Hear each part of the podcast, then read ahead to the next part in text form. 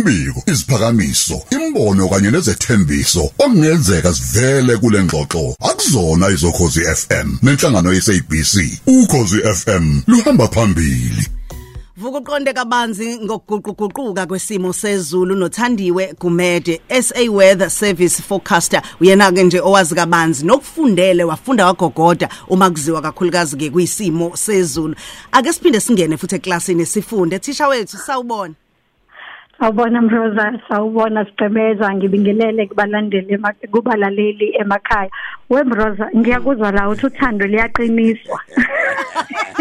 Neyivukuvuku ziyaqina Ngeyivunguvungu ziyalubisa. Loliyalwa nje belingabashayi ngoba libashayi kodwa belizoqinisa Yeah. into yabo ukuthi uthi noma kufika ivungu bakhumbuza Mesake sashawa na sashawa imvula nawe. Bebehlanjululo noma ke mhlambe khona imbangi ethile ethi ngoke ngibone. Bebaphosa eh bebaphosa awuba kithi bayavivinya.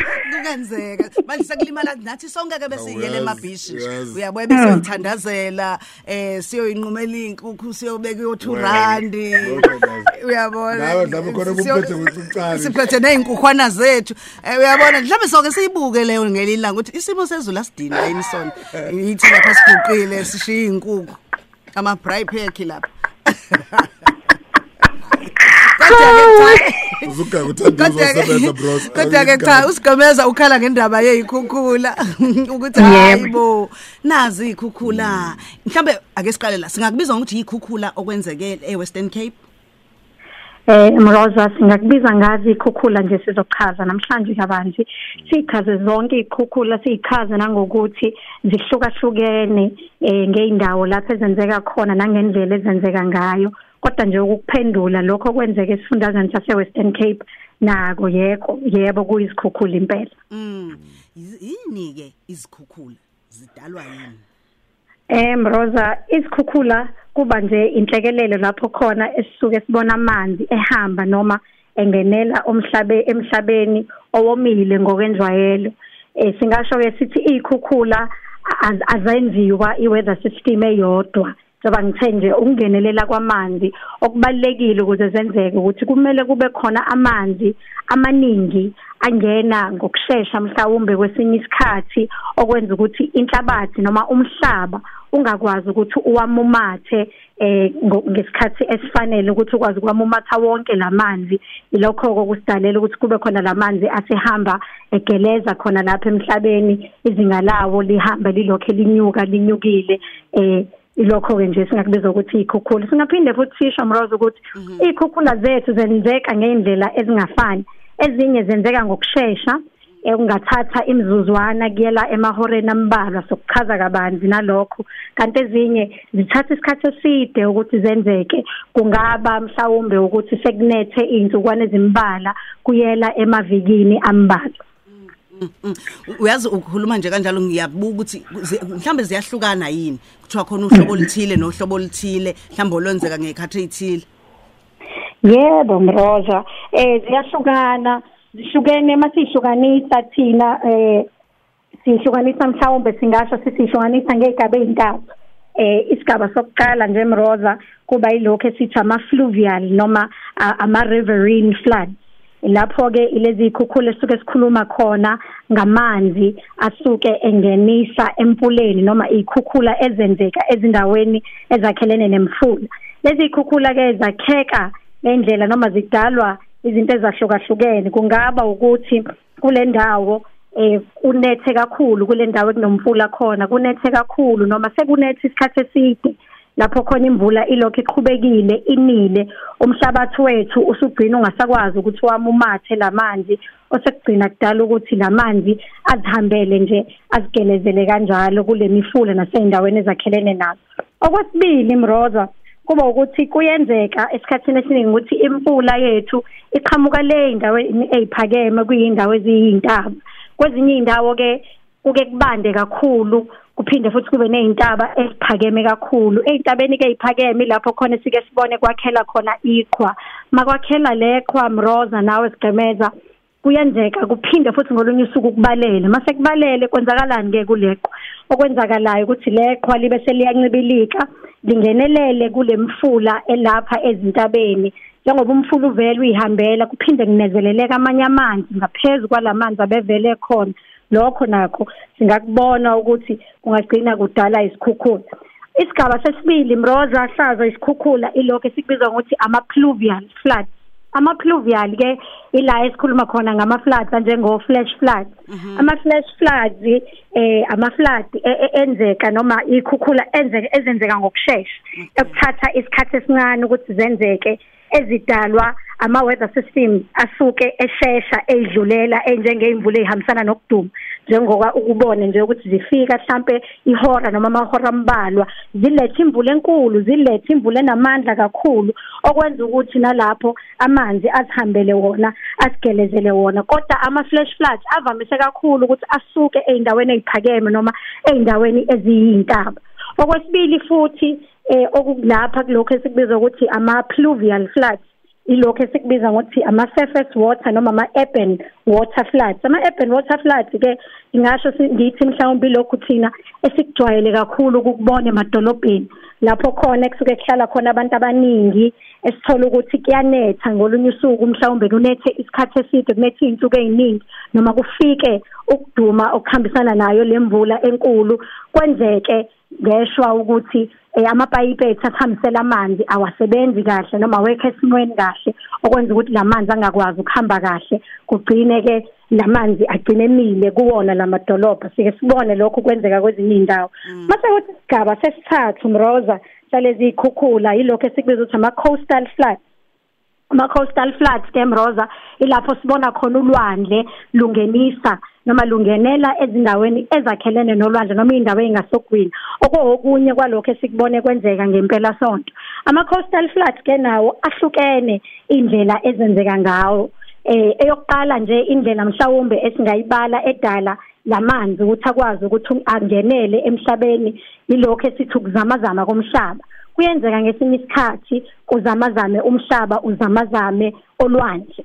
Lokhu kuzamazama komhlaba okwenzeka olwandle kwenza ukuthi amanzi aduduleke ngalapho kusuke kwenzeke khona lokhu. Kugcine kudaleka lamagagasi amakhulu thina esiwabiza ukuthi tsunami. Abanye mhlawumbe bazolazi lelo gama lisuke kudalwe yilokho. Okwesibili imrozo okudala lama coastal floods noma lokhu kungena kwamanzi engenelela emhlabeni eh yilokho esikubiza ukuthi ama astronomical tide. Ama tide ke mroza eh yinto eyenzeka ngokwemvelo eyenzeka zonke izinsuku. Sinalokhu esithi i-high tide kanye ne-low tide. Kodwa mhlawumbe ngiqale ngiyichaze ukuthi le tide iyini yona. I-tide ke ukushintshashintsha kwamazinga amanzi asolwandle. Okusho ukuthi kuba khona isikhathi lapho sukwini amazinga ethu amanzi asolwandle ehlayo khona. Lokho ke yilokho esikubiza ukuthi low tide. Kuphinde futhi kube khona lapho khona amazinga amanzi asolwandle aphinda akukhuphuke lokho esikubiza ukuthi ke kona i-high tide idalwa yini ke lento? Lento idalwa i-force noma sizothi amandla eh aqhamuka enyangeni inyanga lokho esithi moon. Aphinde futhi namanye amandla aqhamuke elangeni okuyisani mroz kuphinde sibe nezinye futhi izindlela zokuthi kudaleke lama coastal floods. Noma kudaleke lezi ikhukhula ezenzeka eh ziqhamuka ngasolwandle ezinye zalezi indlela ukuthi kuba khona isimo sezulu esingasihle kahle okusuke kuyisimo sezulu mhlawumbe kwama weather system amakhulu esingabala khona ishingshane esingabala khona lokho esikubiza ukuthi ama mid latitude cyclone esake sakhuluma ngawo ngolunye usuku esathi kunomsingo bandayo lawo ama-system anjalo ke ayakwazi ukuthi agcine edale umoya omkhulu kugcine kudaleke amagagasi amakhulu. Mase lo moya omkhulu osukudalekile kanye nalamagagasi umoya usize ekuthenini uloku wadudulile namagagasi ukuthi angenele ezindaweni ezakhelene noku kuphinde futhi kube khona lokho esithi storm surge lokhu esinga khuluma ngakho ke abantu engicabanga ukuthi bona abakuzwe kakhulu kulempela sonto esiphuma kuyona okwenzeke nasesifundazweni sase Western Cape. Istorm surge kaMroza sona sifuna ukuthi kube khona iweather system enkulu ngoba bese ngichazile le weather system ke idlule ihambisana nawo lo moya ihambisana nawo futhi nalamakagasi amakhulu kangaka. Mhlawumbe ke mangingachazela umlaleli ngendlela azoyizwa ngayo ukuthi kuze kwenzeka lesi sigameke esenzeke Western Cape nje bekwenze njani? Okwenzakalile ke Mroza kube ukuthi sibe nomsingo bandayo odlulile ngempela sonto kuze lesifundazwe sase Western Cape.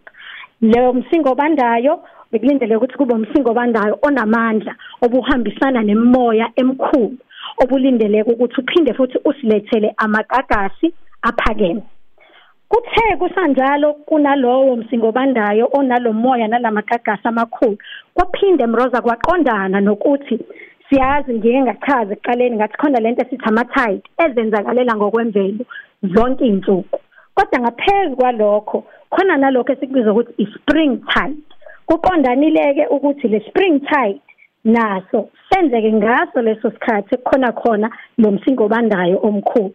Ispring tide ke mroza kusayiko nako ukwehla nokwenyuka kwamazinga amanzi asolwandle. Kodwa umehluko kusona kuba sekuthenini ispring tide senzeka makuqala inyanga entsha masithi lokesithi new moon noma makukhona inyanga egcwele lokesithi full moon.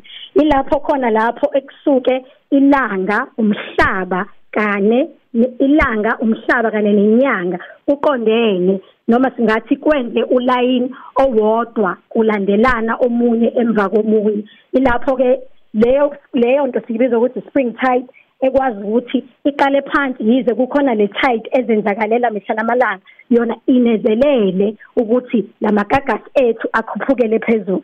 So kuhlangane lowo spring tide wahlangana kanye nalamagagasi abevele elethwa yilomsingo bandayo kwakheka lokhu esikubone kwenzeka mroza esifundazweni sase Western Cape. Siyabonga kakhulu uthandiwe sifunde kakhulu eklasini namhlanje ngishilo ngathi soke siyibhale netest sibone eh ngoba kugcina kukhona nane exam kule ndaba ke esikhuluma ngayo. Mhlambe nje asivele nje sisho ukuthi ngesonto elizayo uzokwazi uphinda ukuthi uqhubeke usixoxele nangokunye okubaleke kakhulu okusithintayo. Ngiyazi ukuthi besafisa ukuthi mhlambe usinikeze amacebo nje amaningi mhlambe uma ungasinika nje elamanje vele sesisenyangeni ethinta kakhulukazi imvula senze njani? Siyahamba thina siyobhabhadisa eh olwandle nakuphi. Nakuphi mhlawumbe senze njani nje icebo lakho ongaphuma ongasipha lona?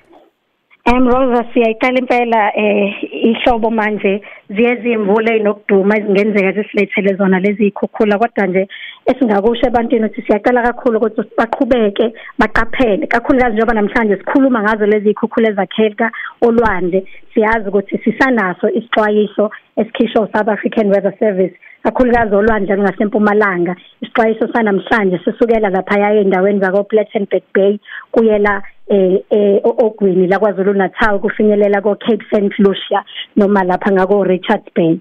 Leso sixwayiso samagagasi amakhulu okungenzeka ukuthi adala umonakalo osukwini namhlanje siyacela ukuthi abalaleli baqikelele ukuthi bayaphepha kulesi simo bagweme ukuthi bayolwandle emroza ngiyacela izinkukhu zethu nigcine kumina emakhaya okwamanje size isimo sithanda ukuthi sehle. Le le yase Richards Bay yanamhlanje ne yebo yanamhlanje sure around Richards Bay bakuthola ndlela khona please please asifuni usizwe into eyiningi. Manje kunesixwayiso nje sikhona kusekhona into abayibonile ngokubuka kwabo kuba bengama forecaster nje negama lezisho so please ngiyasibonga kakhulu. So iphinde siqedele kanjani ngesonto elizayo? Siyabonga nibe nosuku oluhle. Izindaba ipheli bakithi ziningi lokusiyifunde njalo. So mu around Richards Bay kunaleso